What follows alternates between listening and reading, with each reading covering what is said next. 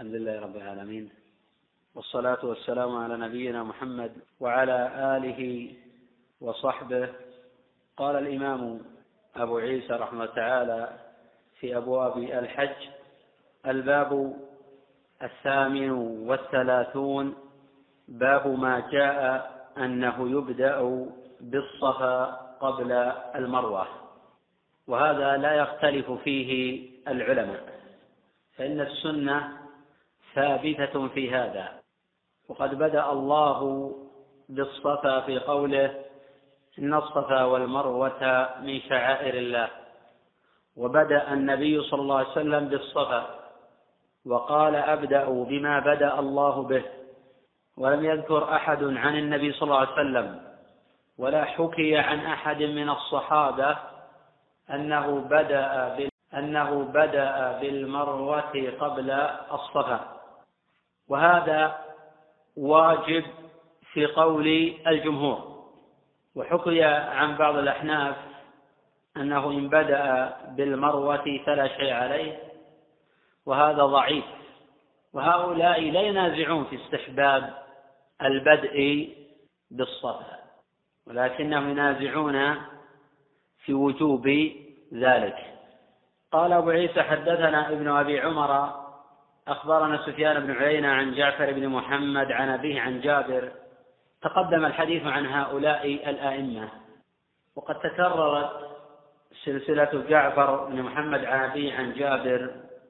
وأعاد الإمام أبو عيسى رحمه الله تعالى هذا الخبر في غير موضع. قال جابر أن النبي صلى الله عليه وسلم حين قدم مكة فطاف بالبيت.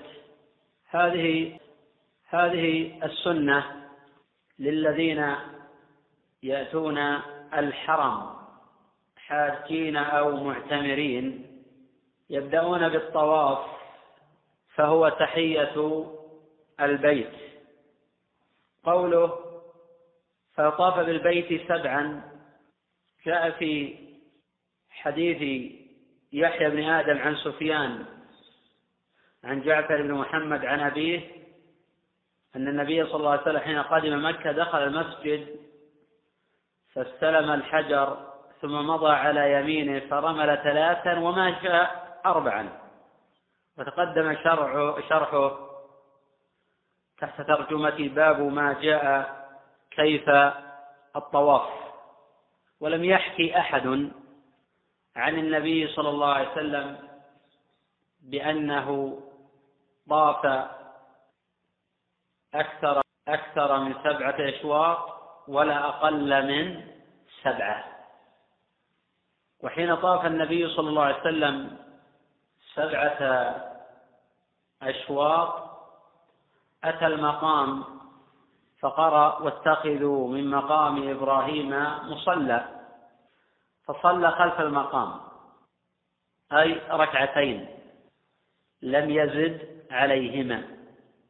وقد جاء في صحيح مسلم وقرأ فيهما يقول هو الله أحد قل يا أيها الكافرون. وحيث ركع الركعتين ومهما قرأ فيهما جاز. وقد أشرت من قبل إلى قول الجمهور في حكم الركعتين وأنهما سنة مؤكدة. وهذا أصح القولين في مذهب الشافعي وأحمد.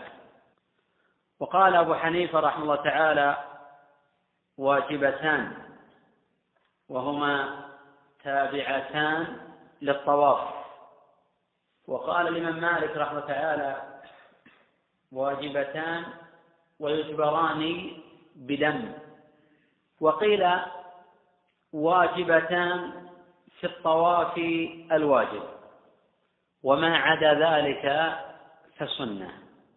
وهذا مذهب قوي أو يقال بسنيتهما مطلقا والأدلة في الوجوب مطلقة وجبران ذلك بدم غير قوية. قوله ثم أتى الحجر فاستلمه. أي حين صلى ركعتين أتى إلى الحجر فاستلمه. وهذه سنة ثابتة. وذلك إذا لم يكن في ذلك زحام أو أذية للطائفين. ولا تختلف في ذلك المرأة عن الرجل. قوله ثم قال نبدأ بما بدأ الله به. جاء في صحيح مسلم ثم خرج من الباب إلى الصفا. فلما دنا من الصفا قرأ إن الصفا والمروة من شعائر الله. أبدأ بما بدأ الله به. وقول في الحديث نبدأ وجاء الحديث بلفظ أبدأ وجاء بلفظ الأمر. ابدأوا. رواه النسائي في سننه عن علي بن حجر. قال حدثنا إسماعيل قال حدثنا جعفر بن محمد عن أبيه عن جابر. ورواه الدار قطني من طريق سفيان الثوري عن جعفر بن محمد. ورواه أحمد من طريق سليمان بن بلال عن جعفر. وقد اتفق أكابر الحفاظ على روايته بلفظ الخبر.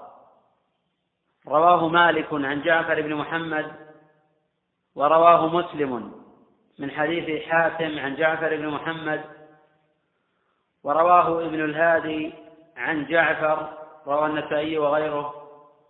ورواه حفص بن غياث عن جعفر رواه مسلم وغيره. وهذا هو المحفوظ. وروايته بلفظ الأمر غلط وتعد شاذة. وجاء في صحيح مسلم فبدا بالصفا فرقي عليه حتى رأى البيت.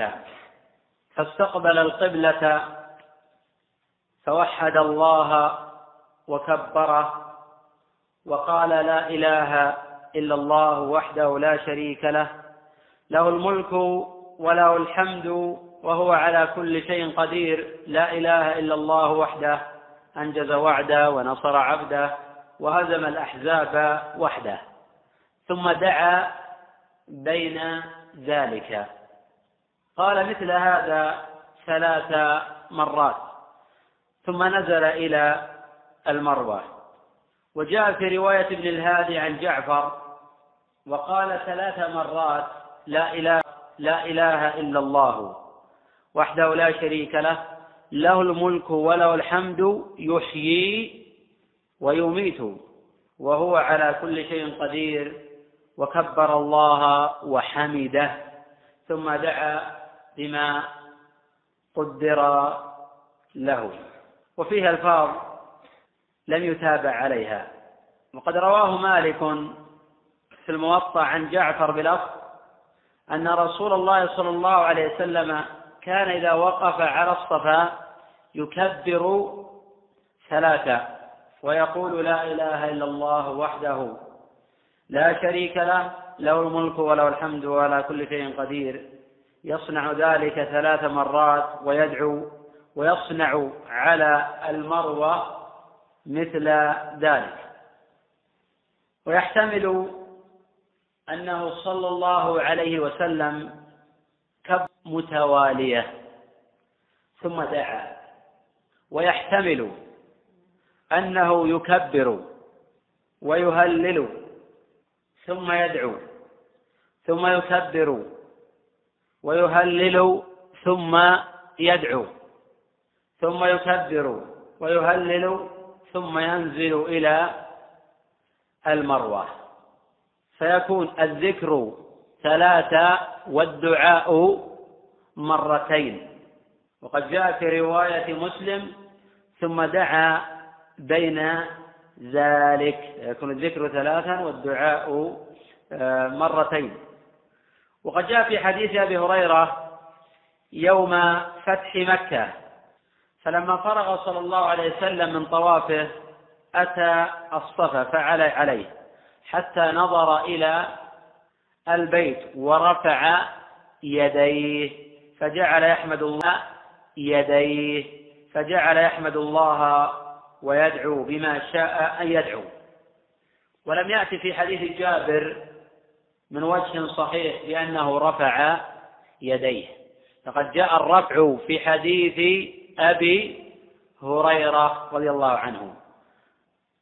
وصفة رفع اليدين كصفة رفعهما في الدعاء.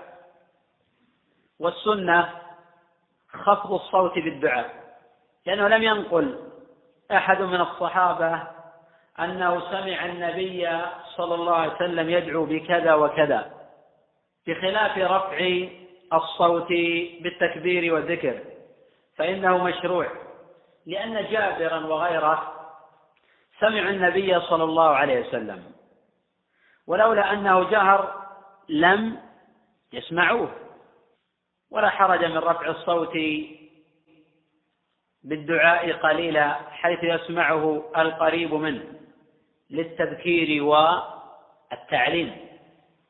قال الإمام أبو عيسى رحمه الله تعالى هذا حديث حسن صحيح. وقد خرجه الإمام مسلم رحمه الله تعالى في صحيحه حديث حاتم عن جعفر بن محمد عن أبيه عن جده عن أبيه عفوا عن جعفر بن محمد عن أبيه عن جابر. ورواه مالك وغيره عن جعفر بن محمد. تقدمت الإشارة إلى بعض روايات الخبر على قوله نبدأ بما بدأ الله به. قال أبو عيسى والعمل على هذا عند أهل العلم أنه يبدأ بالصفا قبل المروة فإن بدأ بالمبدأ بالصفا وهذا المحفوظ. في الأحاديث الصحاح وعليه عمل الصحابة والتابعين. وحكي عن بعض الأحناف أنه إن بدأ بالمروة فلا شيء عليه كمن ترك الترتيب بين أعضاء الطهارة. وهذا لا دليل عليه ولا يصح هذا القياس. وذهب أكثر الأئمة إلى أنه يسعى بين الصفا والمروة سبعا.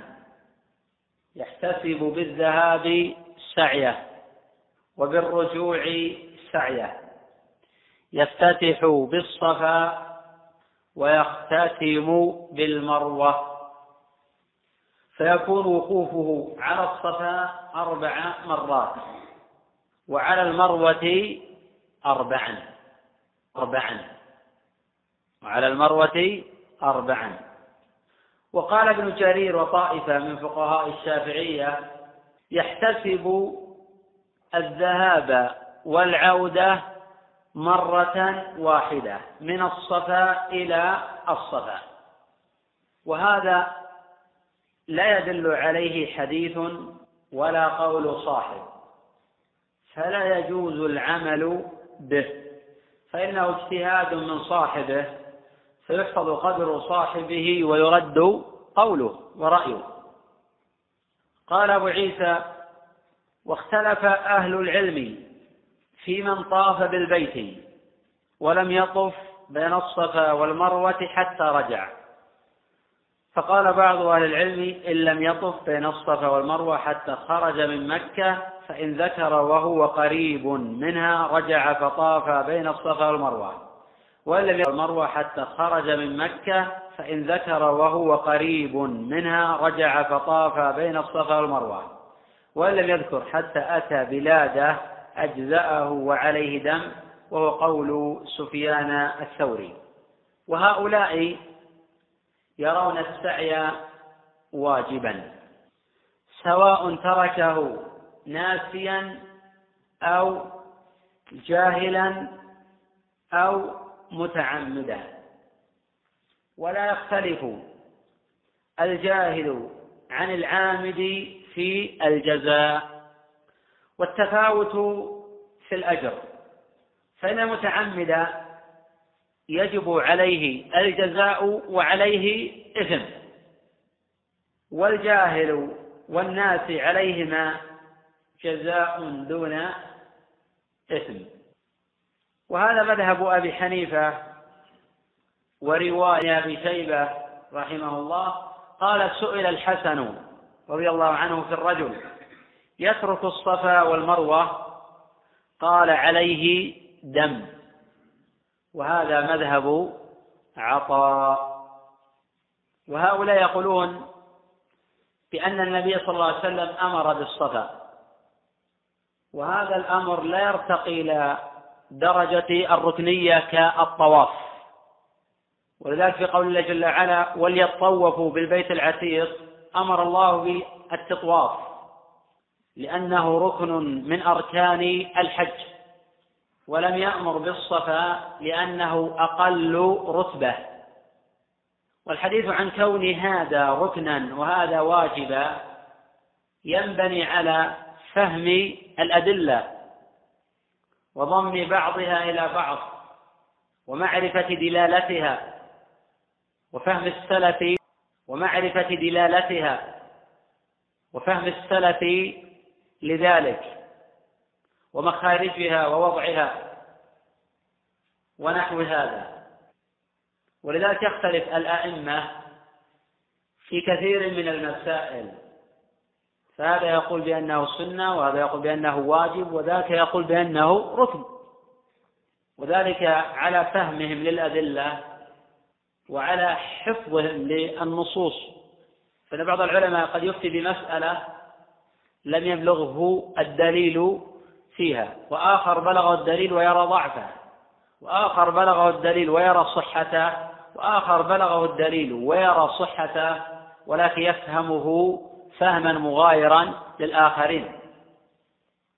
فالقول الأول الذي أشار إليه أبو عيسى بأن السعي واجب ومن تركه وذكره ويأتي به وإن لم يذكر حتى أتى بلاده صحت عمرته وحجه ولزمه الدم. وهذا مذهب أبي حنيفة ورواية عن أحمد وهو قول سفيان الثوري واختار ذلك ابن قدامة رحمه الله في الموني القول الثاني في المسألة أشار إليه أبو عيسى بقوله وقال بعضهم وقال بعضهم أي قال بعض العلماء وهم الأكثر. إن ترك الطواف بين الصفا والمروة حتى رجع إلى بلاده فإنه لا يجزئه. وهو قول الشافعي. قال الطواف بين الصفا والمروة واجب. لا يجوز الحج إلا به. لا يجوز الحج إلا به. وهذا مذهب الجمهور. وقد جاء في الصحيحين عن عائشة رضي الله عنها قالت ما أتم الله حج من لم يطف بين الصفا والمروة. وقال البغوي رحمه الله على حديث جابر وفيه دليل على وجوب الطواف بين الصفا والمروة كما يجب الطواف بالبيت. وفي حديث حبيبة بنت تجراء قالت سمعت النبي صلى الله عليه وسلم يقول اسعوا فإن الله كتب عليكم السعي. رواه الإمام أحمد وفيه لين. وجاء من وجه آخر وعله الحافظ ابن عبد البر رحمه الله تعالى بالإضطراب. وقد جاء في الصحيحين إن الصحابة أن النبي صلى الله عليه وسلم قال في حجته من لم يكن معه هدي فليطف بالبيت وبالصفا والمروة. فقد أمر بذلك وقرنه بالطواف بالبيت. وفي حكم السعي قول ثالث لم يشر إليه أبو عيسى رحمه تعالى وهو القول بسنيته. فلا هو ركن يبطل الحج بتركه ولا هو واجب يجبر بدم فمن فعله فقد أحسن ومن لا فلا حرج. وقد صح هذا عن ابن عباس رضي الله عنهما. رواه ابن أبي شيبة في المصنف. وهذه رواية عن الإمام عن الإمام أحمد. ويحتجون بقول الله جل وعلا فلا جناح عليهما أن يطوف بهما. فلا جناح عليه أن يطوف بهما. ونفي الحرج عن فاعل دليل على عدم وجوبه. وقد ثبتت السنية بقوله تعالى من شعائر الله. وهذا فيه نظر.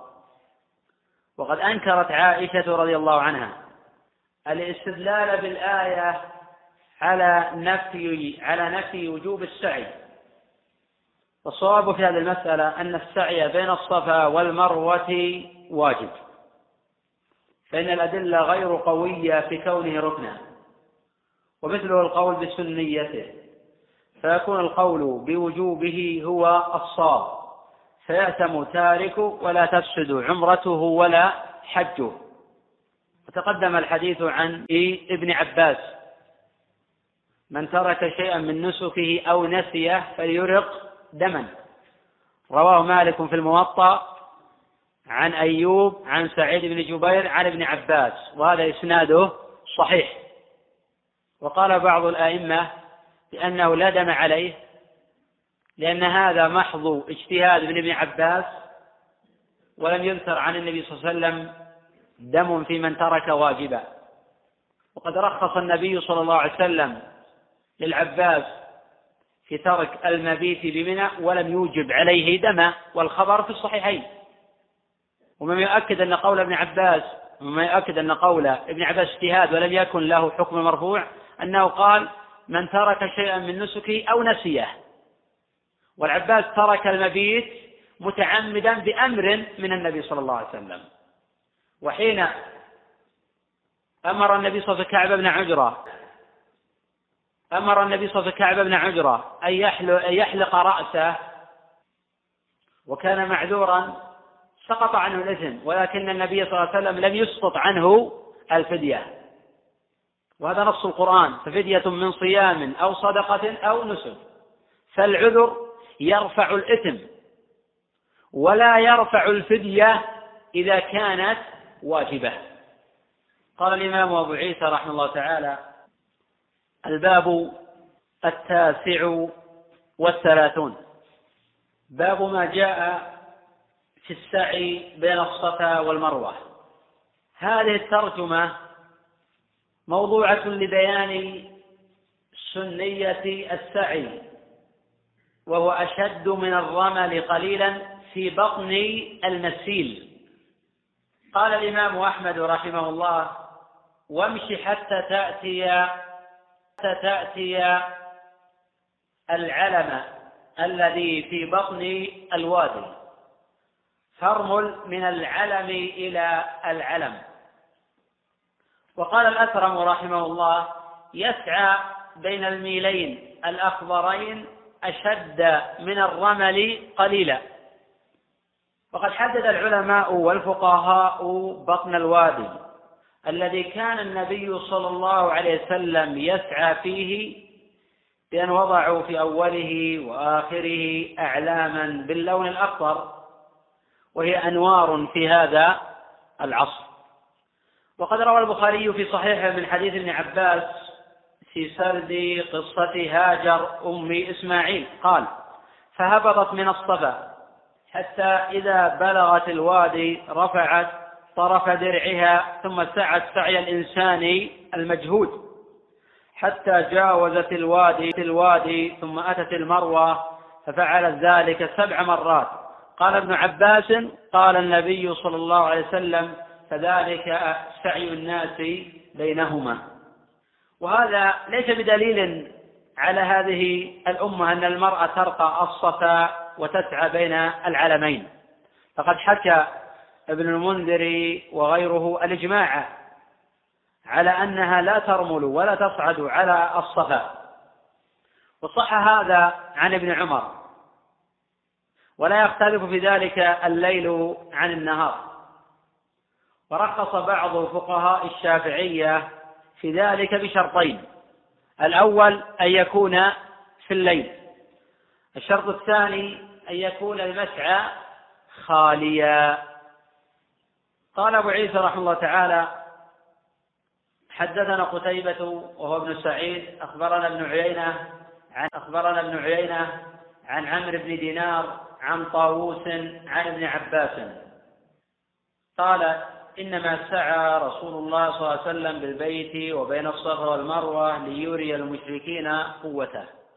قوله إنما سعى أي رمل وهو الإسراع في المشي ومقاربة الخطى ويكون السعي بين العلمين في الصفا والمروة أشد من الرمل بالبيت في الثلاثة الأول. قوله وبين الصفا والمروة أي في بطن الوادي. وجاءت الموطأ من حديث جابر كان إذا نزل من الصفا والمروة مشى مشى حتى إذا انصبت قدماه في بطن الوادي سعى حتى يخرج منه. ورواه مسلم في صحيحه. وهذا السعي مستحب. فقد فعله النبي صلى الله عليه وسلم ليري المشركين قوته وفعله في حجة الوداع ولم يكن حينئذ مشرك. ولو مشى في الجميع أو سعى في الجميع أجزأ وفاتته الفضيلة. وهذا مذهب الجمهور. وقيل من ترك السعي الشديد في موضعه لزمه أن يعيد ما لم يمنعه عذر. ما لم يمنعه عذر من كبر ونحوه. نظر والصحيح أنه لا يلزمه إعادة ولكن يستحب أن يمشي فيما قبل الوادي وبعده ويسعى في بطن الوادي في كل مرة من المرات السبع. وقد كان ابن مسعود رضي الله عنه يقول إذا هبط إلى الوادي يسعى اللهم اغفر وارحم وأنت الأعز الأكرم.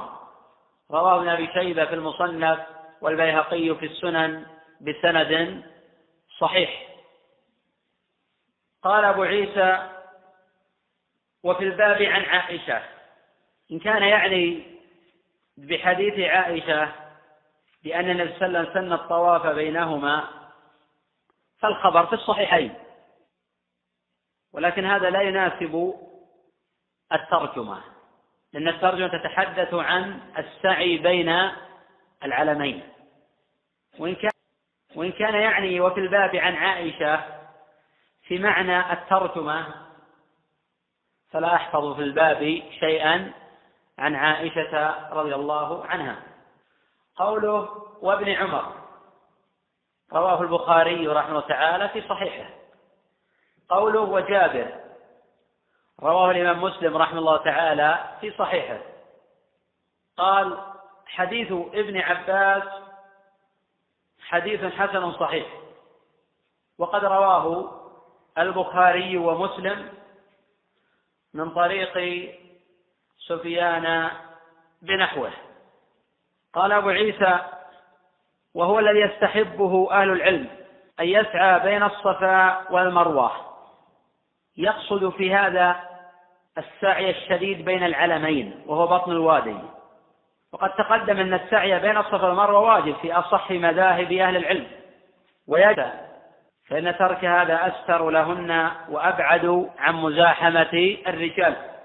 قوله فإن لم يسعى ومشى بين الصفا والمروة أي في بطن الوادي. رأوه جائزا ومثل ذلك الرمل في الطواف. فإنه سنة وليس بواجب. ومن أراد أن يفعله فمنعه مانع من زحام ونحوه كتب له أجره.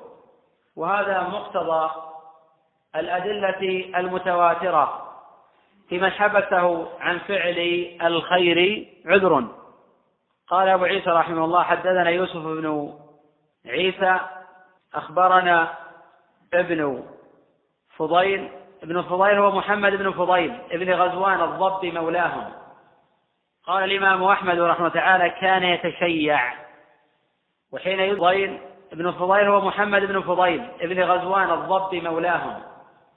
قال الإمام أحمد رحمه تعالى كان يتشيع وحين يذكر التشيع في كلام السلف يعنون به تفضيل علي على أبي بكر وعمر دون حط من قدر الشيخين وقد يعنون به تقديم علي على عثمان في الخلافة. قال أحمد وكان حسن الحديث. وقال أبو زرعة صدوق من أهل العلم. وقال علي بن المديني ثقة ثبت في الحديث وما أقل سقط حديثه. وقد روى له الجماعة وسمع من عطاء بن السائب في آخر عمره حين اختلط. وقد جزم الإمام أحمد ويحيى وجماعة بأن من سمع من عطاء قديما فحديثه مستقيم. وهو ممن روى عن عطاء قبل الاختلاط. روى ذلك عن سفيان أحمد والنسائي وقال النسائي في عطاء ثقة في حديثه القديم. إلا أنه تغير. ورواية حماد بن زيد وشعبة وسفيان عنه جيدة. وقد حدث عطاء بهذا الحديث عن كثير ابن جمهان السلمي ويقال الأسلمي وهو كوفي وقد روى عنه غير عطاء الليث بن أبي سليم. قال العجلي تابعي ثقة وقال أبو حاتم رحمه الله شيخ يكتب حديثه. وتصحيح أبي عيسى لحديثه يرفع من شأنه ويقوي أمره إلا أن حديث عيسى لحديثه يرفع من شأنه ويقوي أمره. إلا أن حديث سعيد بن جبير عن ابن عمر أثبت. وقد علقه أبو عيسى ووصله النسائي وأذكر سنده إن شاء الله تعالى في موضعه. قال كثير رأيت ابن عمر يمشي في المسعى أي بين العلمين. فقلت له أتمشي في المسعى؟ أي في بطن الوادي فقد أصابه تعجب من كون ابن عمر ترك السنة وهو المعروف باتباعها.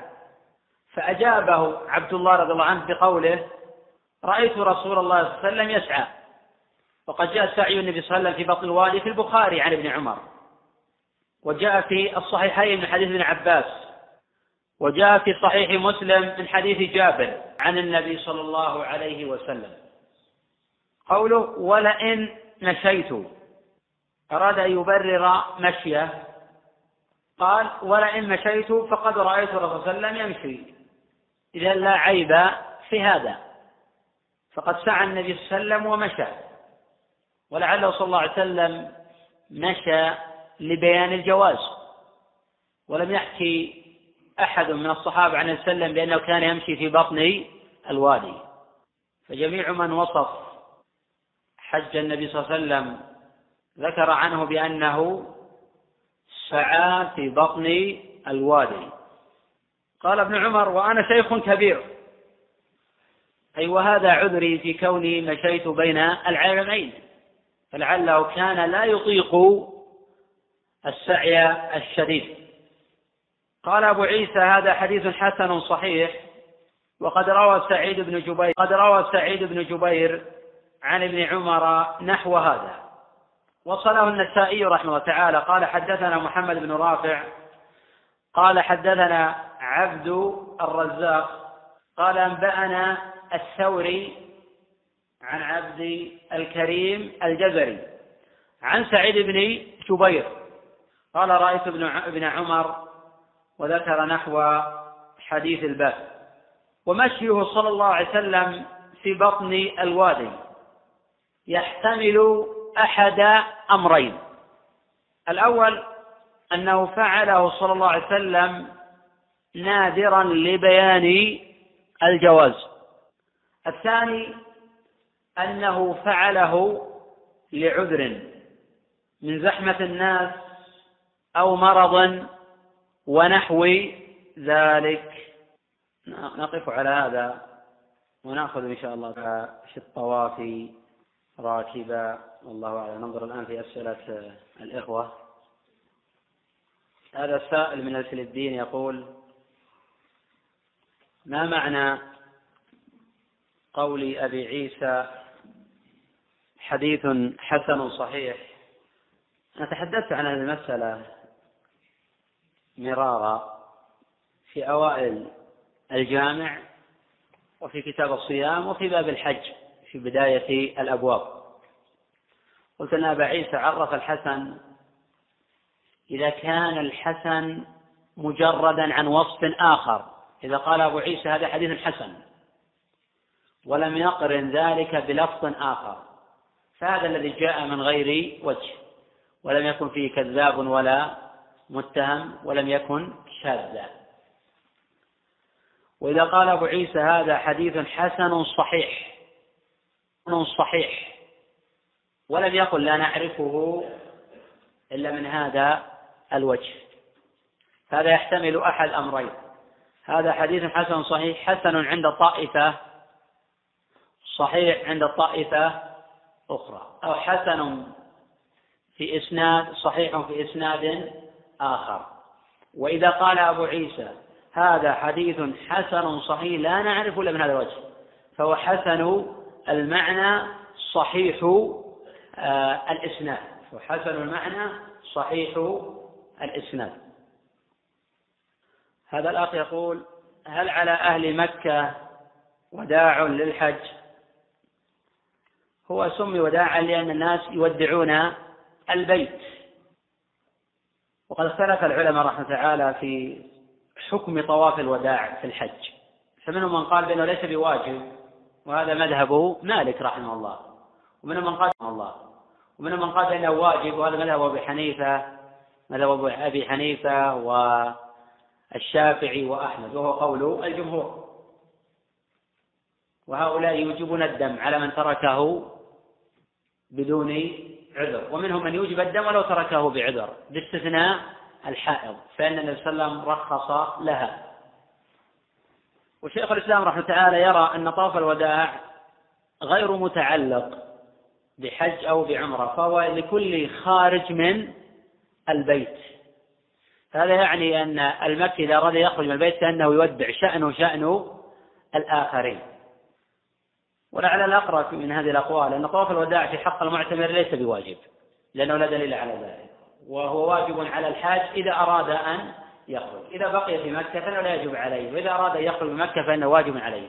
بخلاف أهل مكة فإنه مسكوت آه، عنهم وإذا أرادهم وإذا أراد يخرج في الحال فإنه يودع شأنه شأن بقية الآخرين. إذا أراد أن يجلس ثم عن له أمر وأراد يخرج من مكة لجدة أو للطائف إلى غير ذلك فالصواب أنه لا يجب آه، عليه.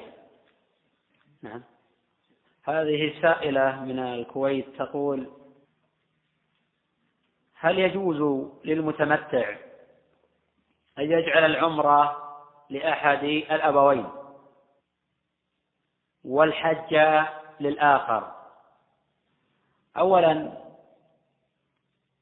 العمرة أو الحج لا تؤدى عن الحي إلا إذا كان غير مطيق للحج أو للعمرة ولم يؤدي فرضه. فإذا كان أحد الأبوين قد أدى فرضه وعجز فيما بعد وإذا لم يكن قد حج فرضه وعجز عن الوصول إلى البيت فإنه ينيب عنه من يحج عنه. والأدلة في هذا صحيحة. فإذا كان السؤال عن العمرة عن ميت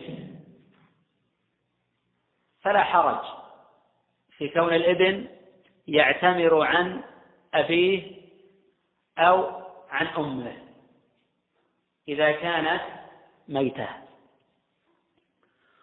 ويجوز في أصح قولي العلماء أن يجعل العمرة عن شخص والحج عن شخص آخر ويكون متمتعا لأنه هو الذي باشر الأمرين ويكون متمتعا. لأنه هو الذي باشر الأمرين. بدليل أنه حين يعتمر يجوز أن يتحلل وأن يرجع إلى بلده ولا يحج. ولو كان قد أتى بنية الحج.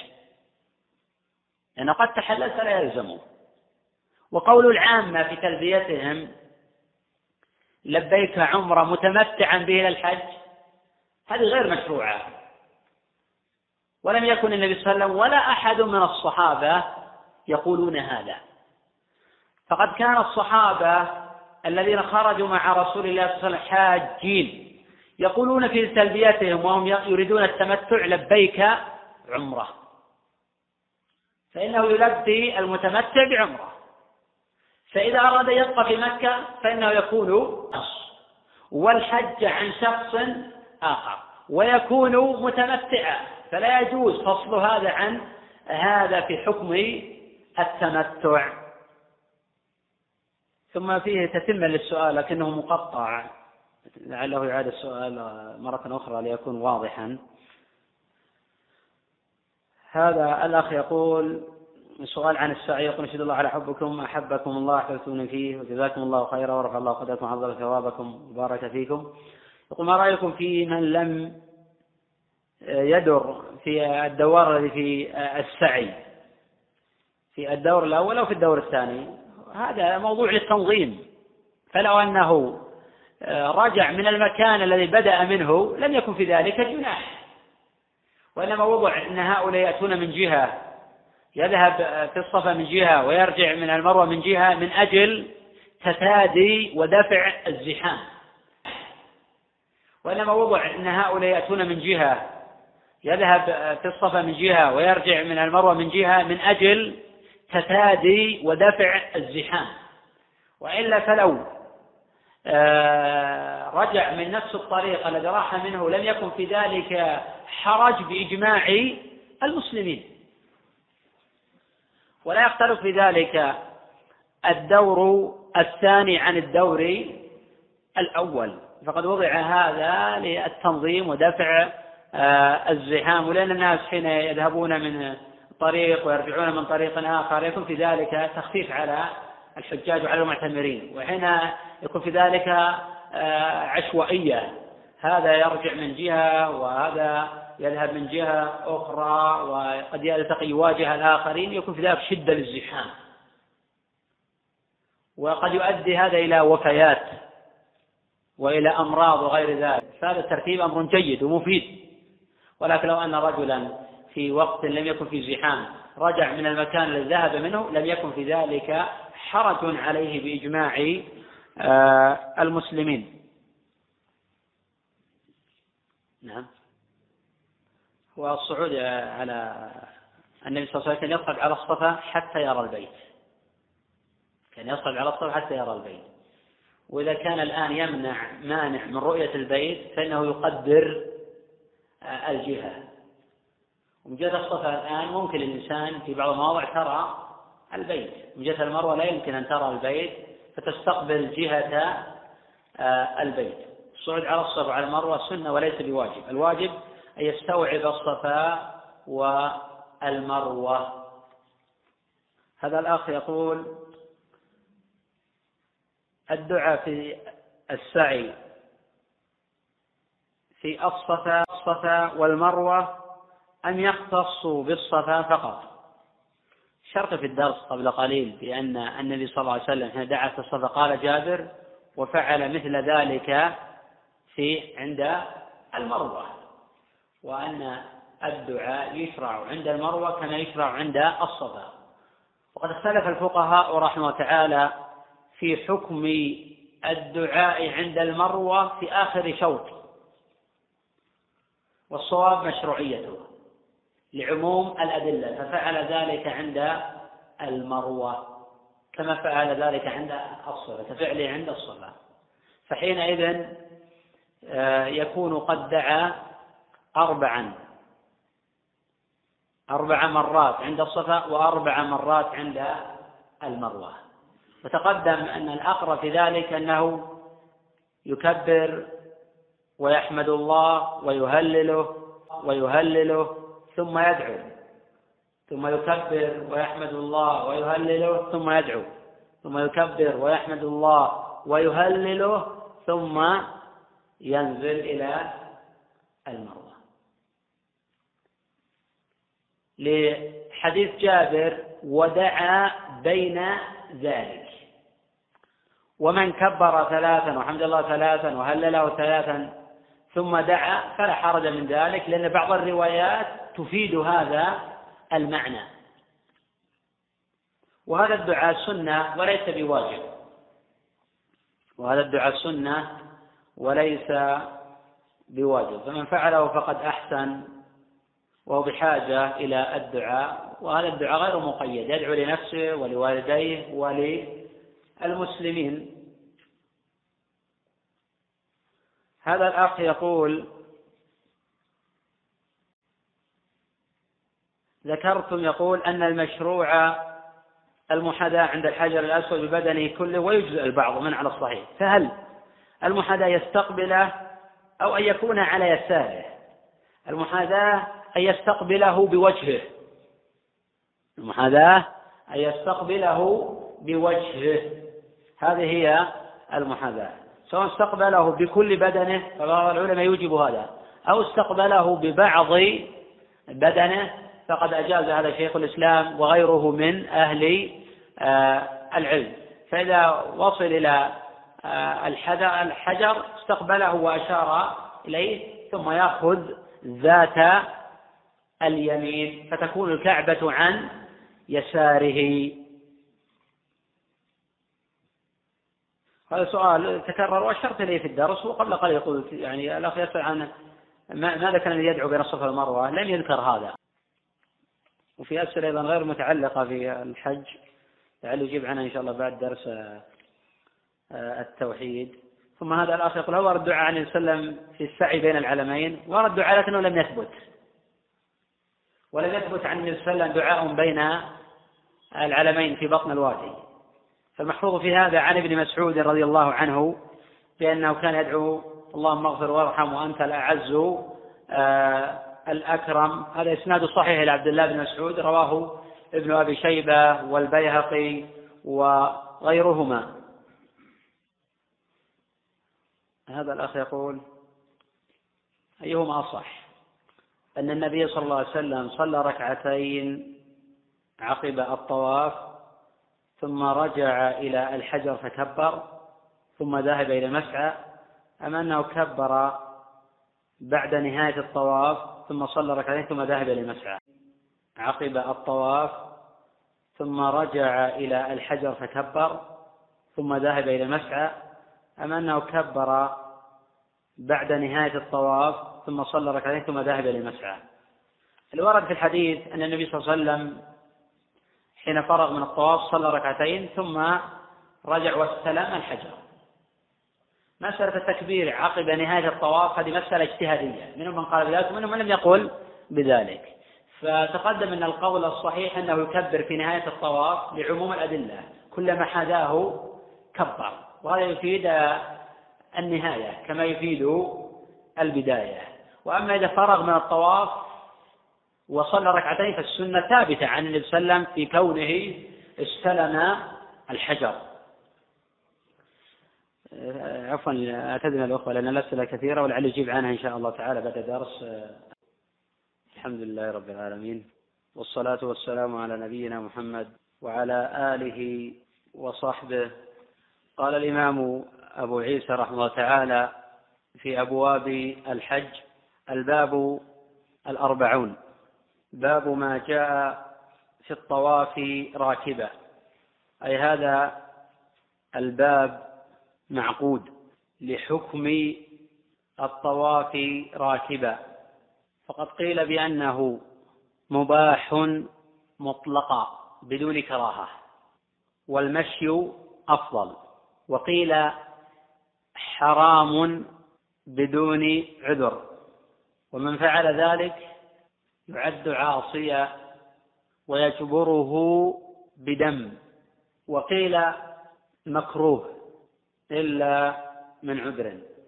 نتعرف على حكم المسألة من واقع من واقع الأدلة الواردة في الباب. قال أبو عيسى رحمه تعالى حدثنا بشر بن هلال الصواف. وقد روى عنه الجماعة سوى البخاري ووثقه النسائي وقال أبو حاتم محله الصدق. مات سنة سبع وأربعين ومئتين. قال بشر أخبرنا عبد الوارث وعبد الوهاب الثقفي. عبد الوارث هو ابن سعيد التميمي العنبري مولاهم. روى له الجماعة وهو ثقة باتفاق العلماء. مات سنة ثمانين ومائة قاله خليفة بن خياط خليفة بن خياط والبخاري وابن سعد وآخرون. وأما عبد الوهاب فهو ابن عبد المجيد بن الصلت ابن عبيد الله ابن الحكم ابن أبي العاص الثقفي. قال ابن معين ثقة وقال قتيبة ما رأيت مثل هؤلاء الأربعة مالك والليث وعبد الوهاب الثقفي وعباد ابن عباد. وقد قال أبو زرعة وغيره بأنه اختلط في آخر عمره. وقال العقيلي تغير في آخر عمره. وقد قال عقبة وهو العمي اختلط قبل موته فهو ثقة خرج له الجماعة. ومات سنة أربع وتسعين ومائة قال عن خالد الحذا عن عكرمة عن ابن عباس. وقد تقدم الحديث عن هؤلاء. والخبر رواته ثقات روى بعضهم عن بعض وسمع بعضهم من بعض. قال ابن عباس طاف النبي صلى الله عليه وسلم على راحلته.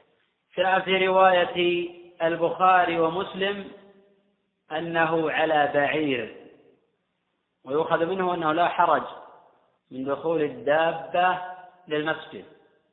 والصواب من قولي العلماء أن بول وروث ما يؤكل لحمه طاهر وهذا الذي أفتى به الإمام أحمد وغيره.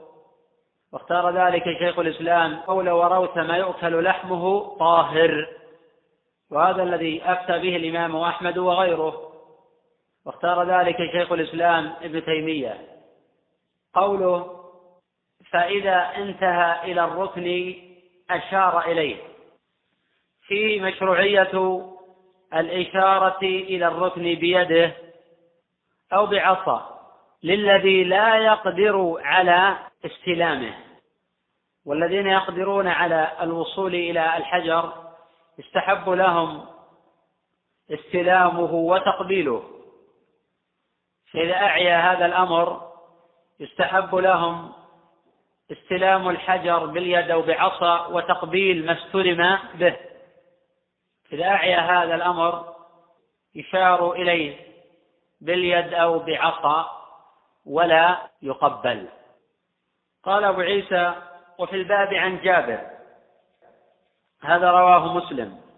وأبي الطفيل هذا رواه مسلم وغيره. وأم سلمة هذا متفق على صحته. قال أبو عيسى حديث ابن عباس حديث حسن صحيح. وقد رواه البخاري عن مسدد. قال حدثنا خالد ابن عبد الله. قال حدثنا خالد الحذاء. فذكره. وفيه أشار إليه بشيء كان عنده وكبر. ورواه البخاري ومسلم من طريق ابن وهب. قال أخبرني يونس عن ابن شهاب عن عبيد الله ابن عبد الله ابن عتبة عن ابن عباس رضي الله عنهما أن رسول الله صلى الله عليه وسلم طاف في حجة الوداع على بعير يستلم الركن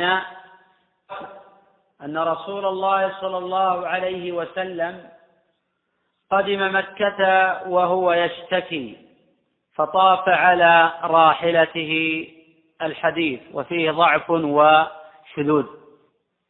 قال أبو عيسى وقد كره قوم من أهل العلم أن يطوف الرجل بالبيت وبين الصفا والمروة راكبا إلا من عذر وهو قول الشافعي.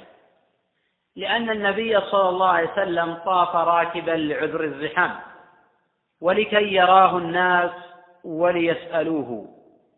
وقد قال ابن عباس رضي الله عنهما إن رسول الله صلى الله عليه وسلم كثر عليه الناس.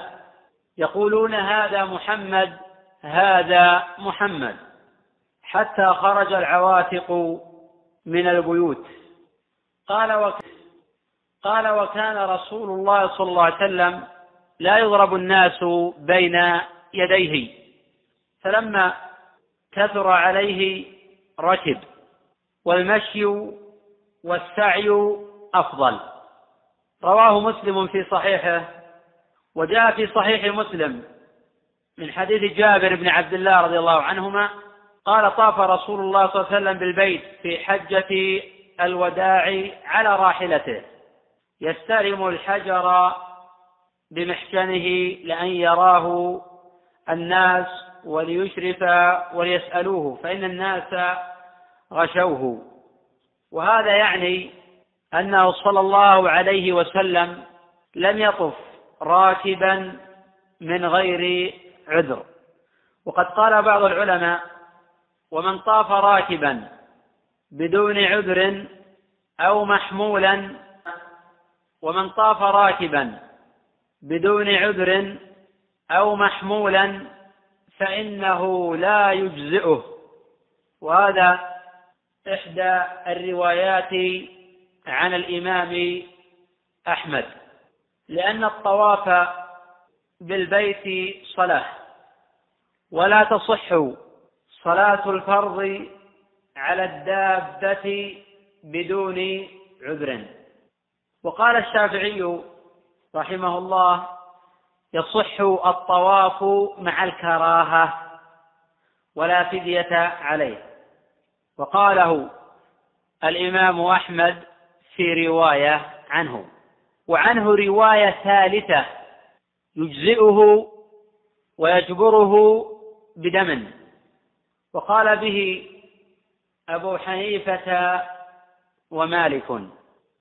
وعند أبي حنيفة فإن كان قد رجع إلى بلده جبره بدم لأنه ترك صفة واجبة في ركن الحج.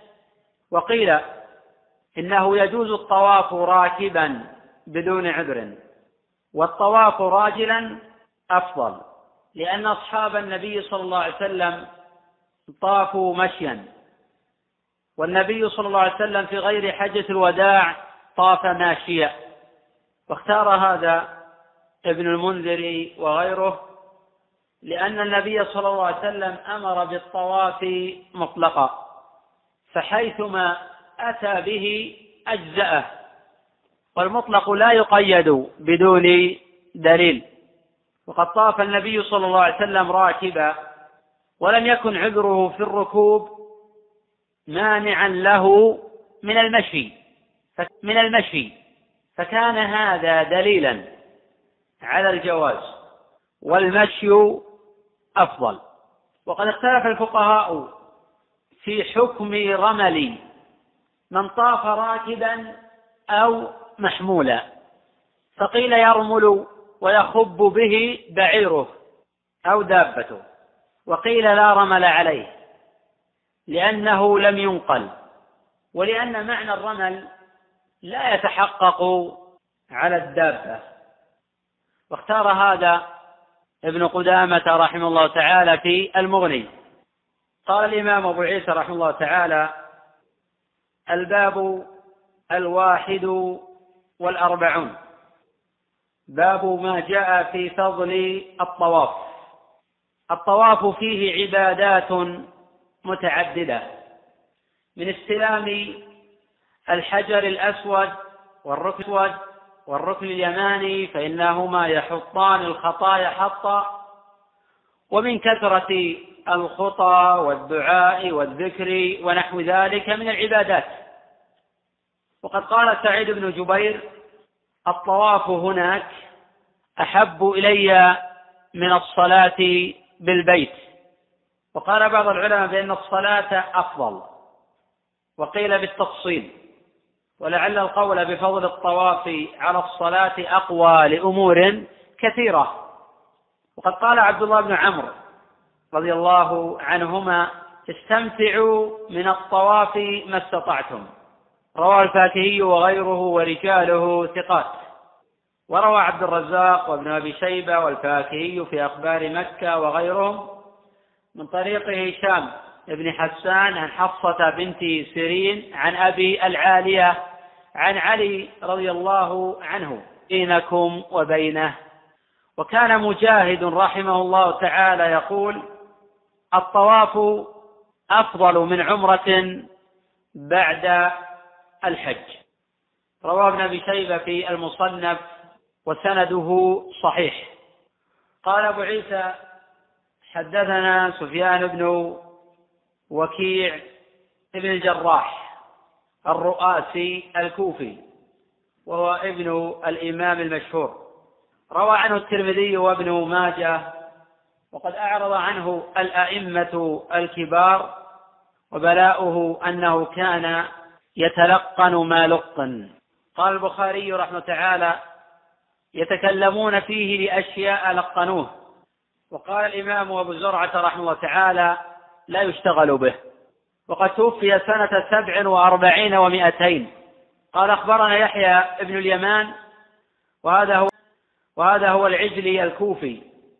حافظ أثنى عليه بذلك وكيع وغيره. قال علي بن المديني رحمه الله تعالى صدوق.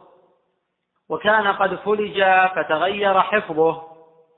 وقال يعقوب بن شيبة كان صدوقا كثير الحديث وإنما أنكر عليه أصحابنا كثرة الغلط وليس بحجة إذا خولف والفصل فيه أنه صدوق في حفظه شيء يحتج به في الفضائل والرغائب وحين يتابعه غيره. ولا يقبل تفرده في الأحكام أو حين يخالف.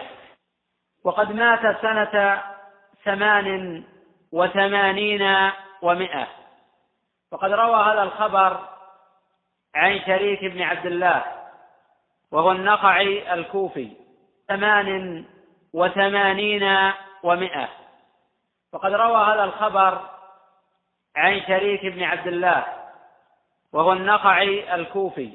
قد تحدثت عنه في كتاب الطهارة وهو صدوق سيء الحفظ.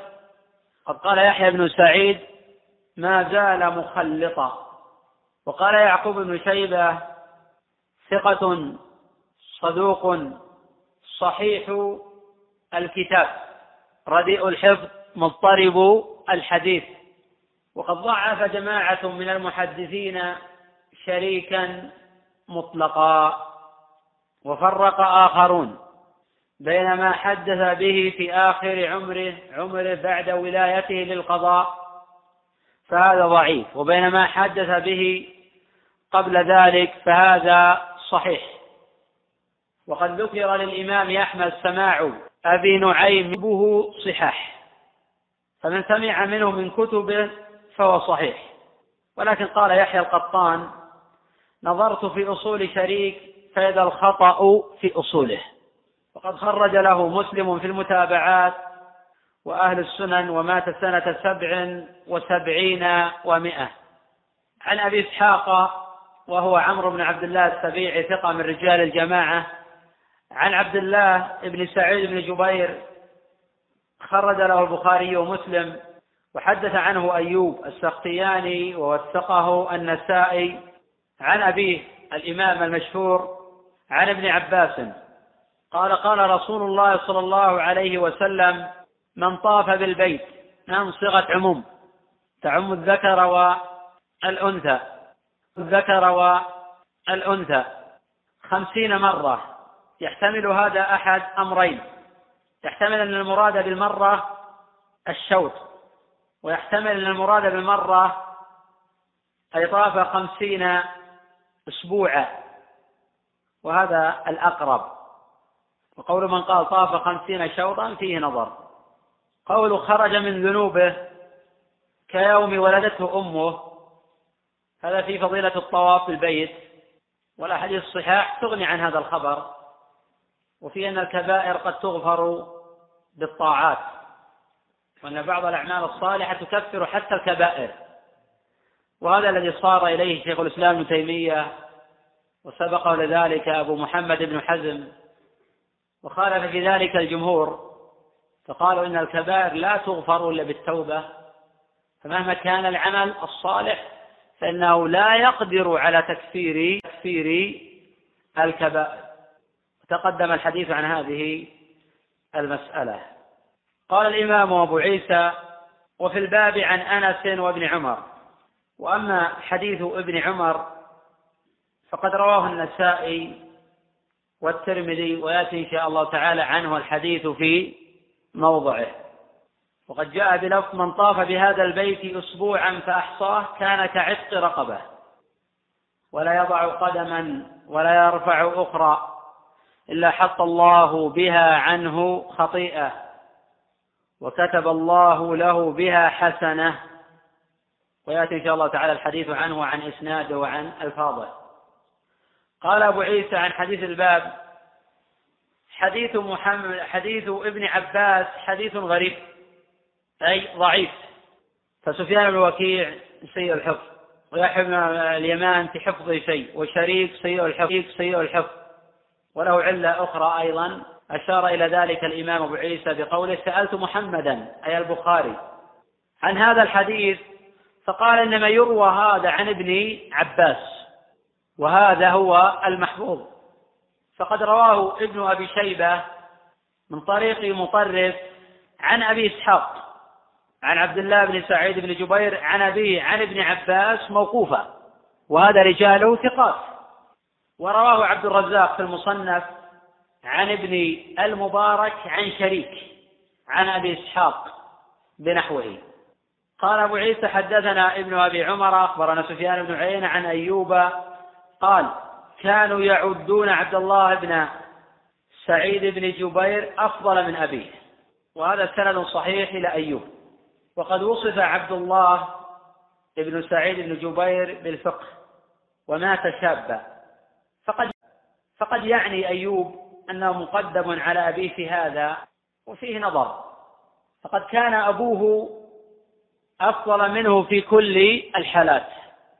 قال أبو عيسى وله أخ يقال له عبد الملك بن سعيد بن جبير وقد روى عنه أيضا أي روى عن أبيه. وقال أبو حاتم لا بأس به. وقال الدار قطني عزيز الحديث ثقة وذكره ابن حبان في ثقاته. قال أبو عيسى الباب الثاني والأربعون. باب ما جاء في الصلاة بعد العصر وبعد المغرب في الطواف لمن يطوف. جاء هذا الباب في بيان حكم الصلاة بعد العصر وبعد المغرب. هكذا جاء في بعض النسخ. والصواب وبعد الصبح. وقد اختلف الفقهاء في حكم الصلاة عقب الطواف بعد الفجر وبعد العصر. فرخص في ذلك طائفة وهؤلاء على شقين. منهم من يقول بأن هذه الصلاة تعد من ذوات الأسباب. ومنهم من يقول بظاهر حديث جبير بن مطعم وأن هذا الحكم مستثنى.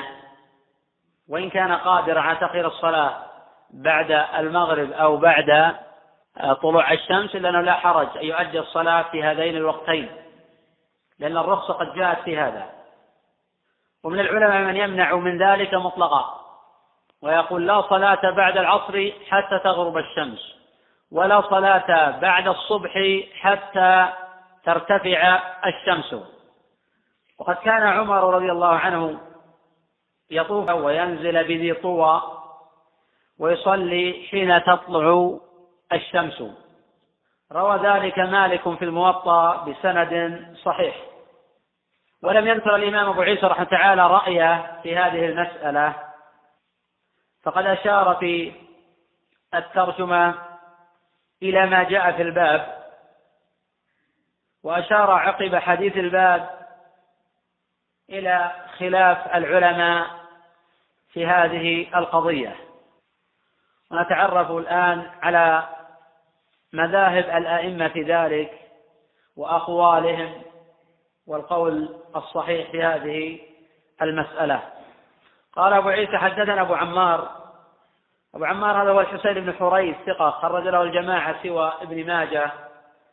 وعلي بن خشرم قال أخبرنا سفيان بن عينة عن أبي الزبير. أبو الزبير هذا هو محمد بن مسلم. أخبرنا سفيان بن عينة عن أبي الزبير. أبو الزبير هذا هو محمد بن مسلم بن تدرس القرشي الأسدي المكي مولى حكيم بن حزام روى له الجماعة إلا البخاري روى له مقرونا بغيره. قال الإمام أحمد احتمله الناس وقد وثقه النسائي والعجلي. وجرى الحديث عنه من قبل وعن وصفه بالتدليس وبيان منهج الأئمة المتقدمين في التفريق بين التدليس والعنعنة وأن الموصوف بالتدليس إذا لم يكن غالبا عليه لا تؤثر عنعنته.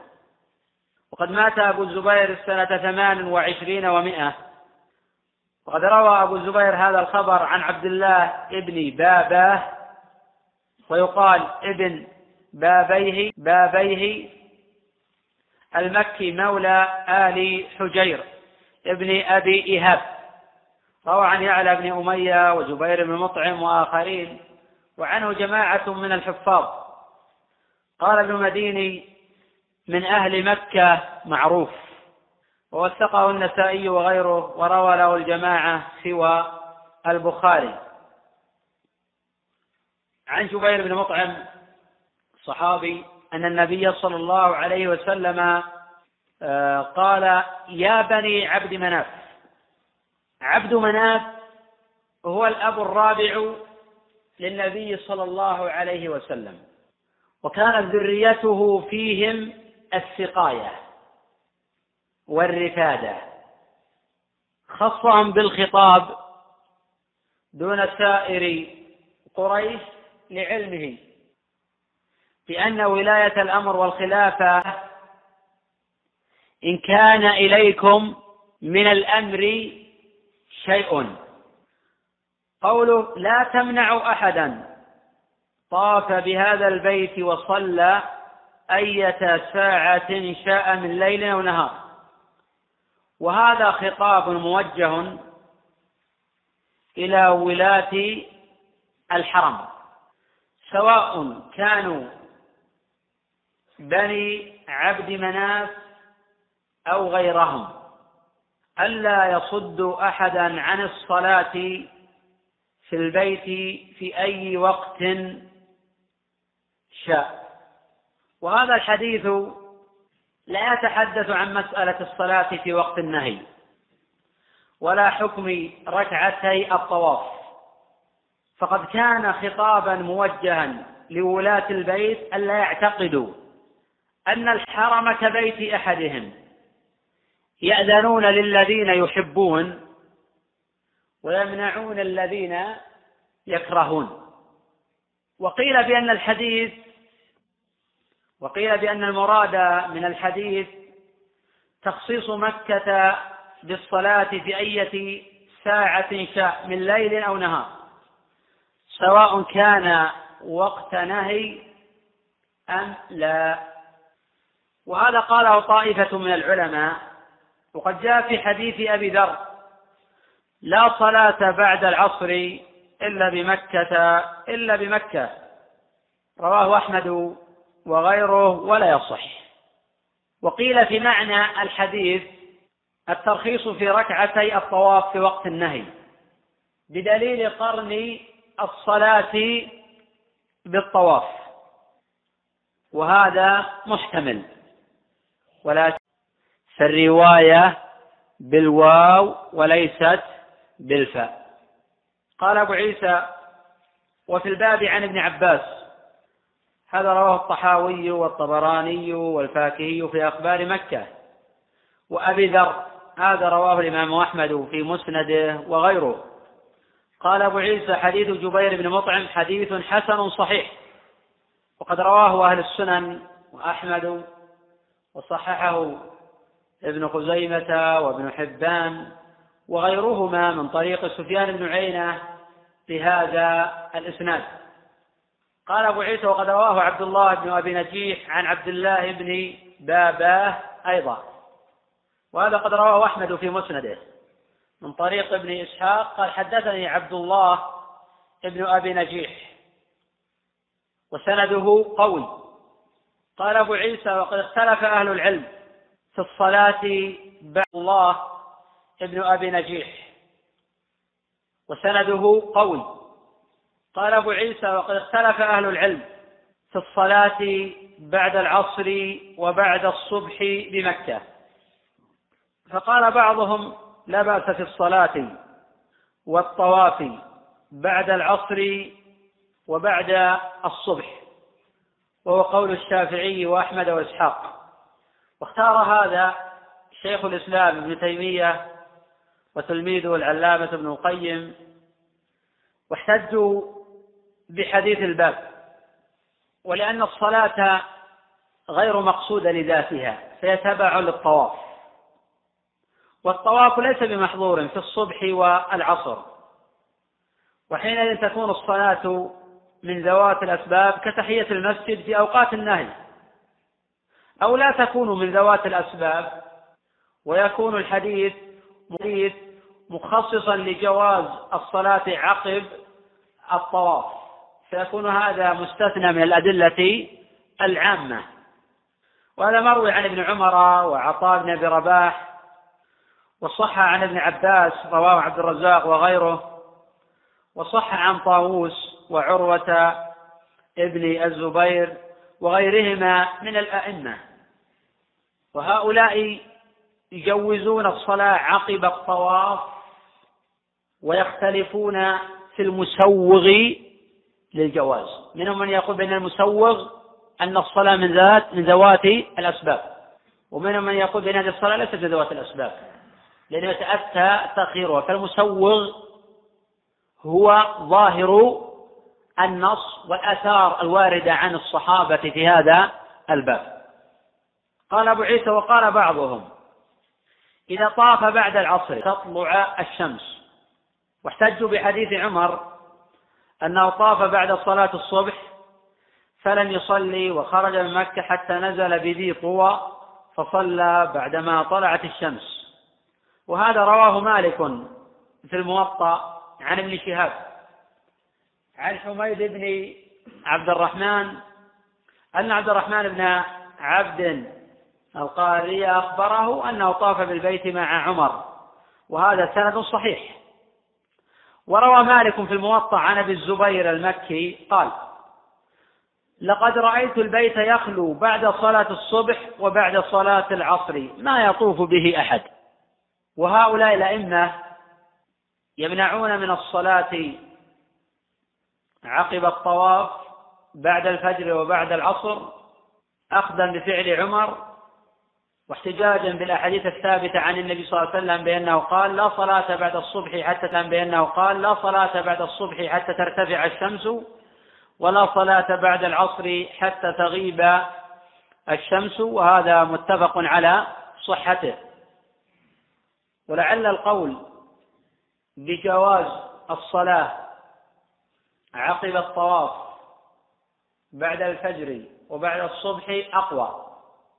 وهذا الذي صار إليه ابن عباس والإسناد إليه صحيح وصار إليه ابن عمر وعطاء بن أبي رباح وطاووس وعروة بن الزبير وآخرون من الأئمة. وقد احتجوا بذلك بجواز فعل ذوات الأسباب في أوقات النهي. وهذا الذي أفتى به الشافعي وغيره من الأئمة كتحية المسجد في وقت النهي وكإعادة الفريضة للسبب. يعني من دخل المسجد وهم يصلون يدخل معهم ويوصية المسجد في وقت النهي وكإعادة الفريضة للسبب. يعني من دخل المسجد وهم يصلون يدخل معهم ولو كان وقت نهي. لحديث يزيد بن أسود عند الخمسة وغيرهم وإسناده صحيح. ولغير ذلك من الأدلة المسوغة لجواز فعل ذوات الأسباب في أوقات النهي. ولكن قد يقال لأنه ليس كل صلاة بعد الطواف تكون من ذوات الأسباب. قد تكون من ذوات الأسباب للذي لا يستطيع التأخر. ولا يستطيع فيما بعد أداء الصلاة. وقد يكون الطواف مستحبا ولا يكون واجبا لأنه مستحب يستطيع تأخيره. وأجيب عن هذا بأن الصلاة يمكن تأخيرها مطلقا لأنه لا يلزم من الصلاة عقب الطواف مباشرة. فله أن يطوف بعد الفجر. وأما حديث الباب يا بني عبد مناف لا تمنعوا أحدا طاف بهذا البيت وصلى أية ساعة شاء من ليل ونهار فلعل الأقرب في فهم هذا الخبر لأن هذا خطاب موجه إلى ولاة الحرم. ألا يعتقدوا أن الحرم كبيت أحدهم حين آه، يلون فيأذنون الذين يحبون ويمنعون الذين يكرهون. ويقال أيضا بأن ذوات الأسباب تؤدى في أوقات النهي سواء كان هذا في مكة أو في غيرها. على خلاف بين العلماء في تحديد معنى ذوات الأسباب. العلماء من قال بأن معنى ذوات الأسباب أي ما يفوت وقتها. كتحية المسجد لا يستطيع أن يجلس كتحية المسجد لا يستطيع أن يجلس ثم يصلي فيما بعد. ولا يمكن أن يقال له لا تدخل المسجد. وبعض العلماء يقول ذوات الأسباب الذي يحتاج إلى فعل والتزود منه. ولأن النبي صلى الله عليه وسلم حث على الطواف بالبيت وفي فضل عظيم وثواب كبير ولم يقل إلا بعد الفجر أو بعد العصر. ولأنه قد يقال بأن هذه الصلاة من ذوات الأسباب باعتبار أن هذا الأجر والثواب يفوته. ولكن هذا الاعتبار يجاب عنه بأنه لا يفوت حين يؤخر إلى ما بعد الشمس وحين يؤخر إلى ما بعد الغروب. ولأنه لا يلزم من ترابط الطواف بالصلاة. فله يطوف بعد الفجر ويصلي بعد الشمس. يطوف بعد العصر ويصلي بعد العشاء ولو أخر. لأنه لا, لا ليس بلازم أن يكون في ذلك ترابط. ولأنه يجوز على الصحيح أيضا ولو كان الطواف فرضا. أن يطوف بعد الصبح ثم يسعى ثم يؤدي الصلاة بعد السعي. فليس بلازم أن تكون الصلاة عقب الطواف قبل السعي. فلو أنه أخر الصلاة إلى ما بعد السعي أجزأ هذا. في أصح قولي العلماء. هذا والله أعلم. نقف على الباب الثالث والأربعين. باب ما جاء ما يقرأ في ركعتي الطواف. والله أعلم. نعم. يتيقن أي نعم هذا بسبب الوراق يعني. وكان يلقن فيتلقن بسبب الوراق الذي يدخل عليه. سبب واحد. نعم.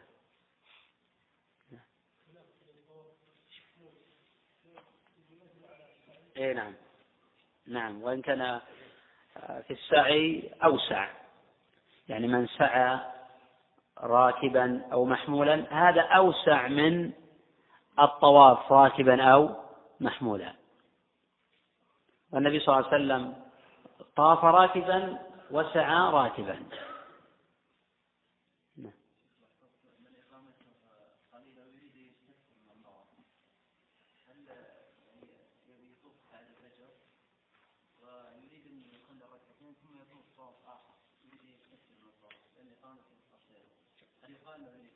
ممكن يصلي في الطريق يعني يعني ممكن يصلي في الطريق لأن هل الخلاف هل هذه من ذوات الأسباب؟ فيتأتى آه، فعلها في وقت النهي أو أن هذه الصلاة ليست من ذوات النهي أو أن هذه الصلاة ليست من ذوات الأسباب ويتأتى تأخيرها. فالذي يرى أن هذه من ذوات الأسباب ويتعذر تأخيرها فيصلي بعد الفجر لأن ذوات الأسباب على الصحيح تفعل في أوقات النهي. ومن يرى أن هذه ليست من ذوات الأسباب هؤلاء على قسمين. منهم من يرى أن الحديث صريح في المسألة. وهذا الذي صار إليه الشافعي وأحمد وإسحاق وجماعة من الآئمة. ومنهم من قال إن الحديث لا يتحدث عن حكم الصلاة عقب الطواف ويتحدث يخاطب بني عبد مناف إشارة إلى أنهم يتولون. وحين يتولون ليس الحرم كبيت أحدهم. يأذنون الذين يحبون ويمنعون الذين يكرهون وأنهم لا يمنعون أحدا ويفتحون الباب وإن كانوا قائمين على رعايته وحمايته وسقايته ورفادته ونحو آه، ذلك. وهذا لعل قوي جدا. فيبقى نأخذ حكم المسألة. هل تجوز الركعتان في أوقات النوم لا. من الأدلة الأخرى. عمر رضي الله عنه كان يمنع. وابن عمر وابن عباس كان يأذنان في ذلك والمسألة اجتهادية. والقول بأن هذه من ذوات الأسباب هو مذهب قوي. هذه الصلاة من ذوات المذهب قوي لأنه لا يلزم من الأسباب أن يكون يفوت من كل وجه. قد يمكن تأخيره ولكن يتعذر فعل الخير كالاستخارة مثلا. شخص يريد أن يستخير في وقت النهي. يتأتى التأخير ولكن لو أخر لحقه فوات المقصود والغرض. صعب أن يستخير في وقت النهي. لأنه يمكن يؤخر ولكن التأخير يؤدي لفوات الغرض المطلوب. هذا ممكن يؤخر الطواف أو ممكن يطوف لكن يؤخر الصلاة. ولكن أخر الصلاة قد يشغل عن فعلها فيفوت الأجر والثواب يكون هذا من ذوات الفك في حق هذا. لكن آخر يقول أنا أعلم أنني أطوف الآن ممكن أتزود من الطواف بعد الفجر وأتزود من الطواف بعد العصر. ولكن في نفس الوقت أستطيع أن أصلي بعد الشمس ولا تفوتني وأستطيع أن أصلي بعد المغرب وبعد العشاء. هذا ممكن يقال أن الأحوط في حقك والأفضل ألا تصلي آه، في هذا الوقت وأن تؤخر آه، الصلاة. طائفة من العلماء لا يرون في مكة وقت نهي أصلا ويحتجون بحديث أبي ذر. يقول لو أراد يتطوع مطلقا ولو بدون طواف لا حرج من ذلك ويحتج بحديث أبي ذر. وحديث أبي ذر ما أصلح من حديث ولكنه ضعيف وشاذ لا يصح الاحتجاج به. طائفة من العلماء يرون الجواز مطلقا حتى في غير مكة.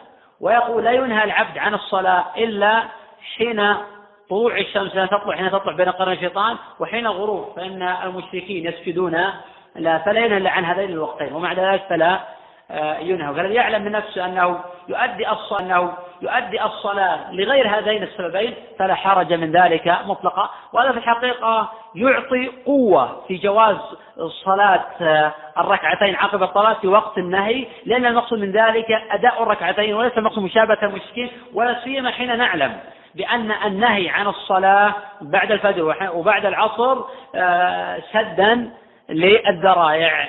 فإذا زال الحكم زال سببه أو إذا زال السبب وجد الحكم الآخر وهو المسوغ لجواز الركعتين في هذا الوقت. هذه كله في الحقيقة مقويات لجواز آه، فعل الركعتين آه، بعد الفجر وبعد آه، المغرب. ومن منع تقدمت أدلته. من أذن فله أدلته ولا تثريب على من ذهب إلى هذا أو ذاك. فقد كان السلف يقولون فيما يريدون من مسائل الاجتهاد كلامنا صواب يحتمل الخطأ وكلام غيرنا خطأ الاجتهاد كلامنا صواب يحتمل الخطأ وكلام غيرنا خطأ يحتمل آه، الصواب. جيب على أسئلة الأخوة عبر الشبكة. هذا السائل من تبوك يقول شخص يريد الحج من تبوك فما هو أفضل أنواع النسك التي يقوم بها مع العلم أنه يريد أن يأتي قبل الحج؟ ويسكن في جدة حيث يملك منزلا. هناك من أين يحرم؟ إذا أتى في أشهر الحج وهي شوال وذو القعدة وذو القعدة وعشر من ذي الحجة. فإنه يأخذ عمرة ليكون متمتعا. فحين يأخذ العمرة يطوف ويسعى ويقصر يلبس ثيابه ويحل له يحرم اليوم السابع فلا حرج يحرم من مكانه في جدة ثم يحج. هذا الأفضل آه، لمثل هذا آه، الأخ آه، السائل. نعم.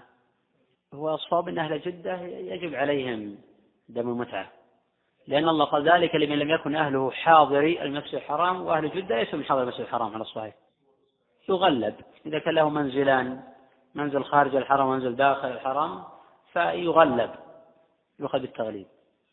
هذا رمز لاسمه أو الأخ يقول من الشرقية من الشرقية وقال وأبو خالد.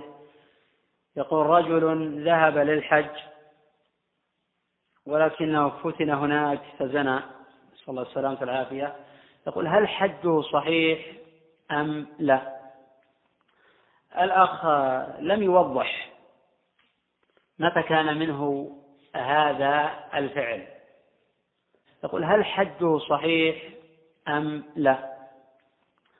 الأخ لم يوضح متى كان منه هذا الفعل. هل وجد منه قبل الوقوف بعرفة؟ أو وجد منه بعد الوقوف بعرفة قبل التحلل الأول؟ فيكون حجه فاسدا. ويمضي في هذا الفاسد وعليه بدنة في قول الجمهور ويحج مرة أخرى. أو أنه حصل منه والعياذ بالله الزنا بعد التحلل الأول وهو الرمي. يكون التحلل الأول بالرمي على الصحيح. فحينئذ يستغفر الله ويتوب إليه وقيل عليه بدنه وقيل عليه شاه ويكون حجه صحيحا. لأن هذا وقع عقب التحلل آه الأول.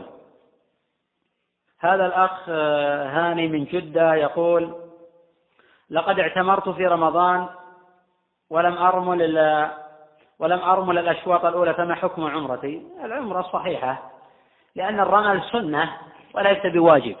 فإذا وجد الزحام فتعذر رمله وكان من نية أن يرمل كتب له الأجر ولو لم يفعل. فالرمل سنة ليس بواجب من فعل فقد أحسن ومن لا فلا حرج. ولا يختلف العلماء في صحة عمرة هذا الأخ. هذا الأخ يقول ذكرتم آه، آه، حفظكم الله بن سليمان معاذ بن قرن المعروف بأنه سيء الحفظ الشيء قاله آه، ابن معين وجماعة. ثم يقول وقد ذكر في التقريب تحقيق يقول فلان بفلان من البخاري خرج له في صحيحه وكثر حديث معلقة ومسلم خرج له في صحيحه سؤالي هل ذكره البخاري في صحيحه؟ وهل الحديث الذي أخرج له مسلم يعتبر صحيحا. أولا أن سليمان بن معاذ بن قرن لم يخرج له البخاري في الأصول شيئا أبدا. ومن زعم خلاف ذلك فقد وهم لا أصل له. الأمر الثاني لم يخرج مسلم لسليمان بن معاذ في الأصول شيئا أبدا. الأمر الثالث أن سليمان بن معاذ بن قرن هذا سيء الحفظ وهذا الذي صار له الأئمة الكبار. حتى قال ابن معين ليس بشيء وقال النسائي آه، لين الحديث. الأمر الرابع أنه لا يلزم من تخريج الشيخين لراوي أن يكون ثقة خارج آه، الصحيحين. لأن البخاري ينتقي من أحاديث الرجل ما علم وضبط وأتقنه. ينتقي من أحاديث الرجل ما علم وضبط وأتقنه. والإمام مسلم قد يخرج له في المتابعات قد يخرج له في الشواهد وإذا خرج له في الأصول فهو يعتبر صحيحا في مسلم وبلا ريب أن يتقوى أمره خارج الصحيح ولكن لا يلزم من ذلك أن يكون آه ثقة. إي نعم. لأن التغير الراوي إذا حصل عنده تغير لا يعني هذا أنه يتأثر. كالمقبوري حصل عنده تغير إسحاق السبيع حصل عنده تغير. يسمى عند بعض العلماء اختلاطا لكن هذا الاختلاط غير مؤثر. بعض الاختلاط غير مؤثر. يقول بعض العلماء اختلط بمعنى تغير وليس معنى التغير أنه لا يميز. لا هو يميز ولكن بمعنى آه أنه لم يكن على وضعه آه الأول. هذا لا يؤثر على الحديث. حين تقرأ في كتب العلماء أبو إسحاق السبيع اختلط المقبري اختلط وطائفة من الأكابر بالذات حقيقة هذا الاختلاط غير مؤثر على حديثه. بعض الاختلاط مؤثر كالتأثر التي حين اختلط لم يثبت حديث فترك عطاء بن الثابت اختلط ولكن من روى عنه قبل الاختلاط قبل حديثه. آه حديثه فبعض الاختلاط مؤثر وبعض الاختلاط غير آه مؤثر. هذا الأخ يقول هل تجزي الركعتان لأكثر من أسبوع للطواف بنية أنهم يتداخلان؟ في في الحقيقة من أجاز وأفتى بهذا وأن من طاف بأكثر من أسبوع تجزي عنهما ركعتان باعتبار أن آه، العبادات تتداخل. والقول الثاني هو قول الجمهور أنه يصلي عن كل أسبوع ركعتين وهذا الصواب. وفي قول ثالث أنه لا يجوز جمع أكثر من أسبوع. ولو أدى أكثر من آه، ولو أدى ركعتين لكل أسبوع. أنه إذا صلى أسبوعا يصلي ركعتين. لا يؤدي الأسبوع الآخر قبل يصلي ركعتين في من أكثر بالمنع. والصواب من هذه المذاهب أنه يجوز. أن يجمع أكثر من أسبوع ثم يصلي عقب ذلك عن كل أسبوع ركعتين. هذا الأخ يقول ما حكم العمرة لأهل مكة؟ مكة. فقد سمعت أن بعض العلماء لا يجيز ذلك. آه، هو ما سمع صحيح. المسألة خلافية بين أئمة السلف بالنسبة للعمرة لأهل مكة. قد كان ابن عباس يفتي ولا صحاح ابن عباس يقول يا أهل مكة ليس عليكم عمرة. وإذا أبيتم فاجعلوا بينكم وبين مكة بطن الوادي. وهذا الذي اختاره شيخ الإسلام وغيره من العلماء. وأن أهل مكة ليس عليه عمرة ولكن حين يريدون العمرة لا حرج. ولكن لا يحرمون من مكة يحرمون من أدنى الحج باستثناء الحج. قال صلى الله عليه وسلم حتى أهل مكة يهلون من مكة والخبر متفق على صحته. والقول الثاني في المسألة أن أهل مكة يعتمرون وشأنهم ذلك شأن غيرهم للأدلة العامة. قال صلى الله عليه وسلم تابعوا بين الحج والعمرة. فإنهم ينفيان الفقر والذنوب كما ينفي الكيرو خبث الذهب والحديد والفضة. هؤلاء يقولون بالحديد والفضة. هؤلاء يقولون بين لا يختص بذلك. مكي أفاقي عن مكي. والخطاب عام. ولم يقل النبي صلى الله عليه وسلم إلا أهل مكة. هؤلاء يقول ابن عباس أفهم للنصوص وأدرى من الآخرين. هؤلاء يقولون النص عام وابن عباس لم يحرر ذلك عليهم ولكن رغبهم في الطواف. وقال ليس عليكم عمرة بمعنى ليس عليكم عمرة واجبة ولكن قد تستحب لهم العمرة. هذا الاعتبار عن العمرة واجبة. أما العمرة مستحبة فبعض العلماء يقول ابن عباس لم يتحدث عنها وبعض العلماء يقول لا إن ابن عباس يقصد أنه لا يشرع لكم الاعتمار بدليل أنه حثم على الاستكثار من الطواف. وهذا الذي فهمه شيخ الإسلام وغيره.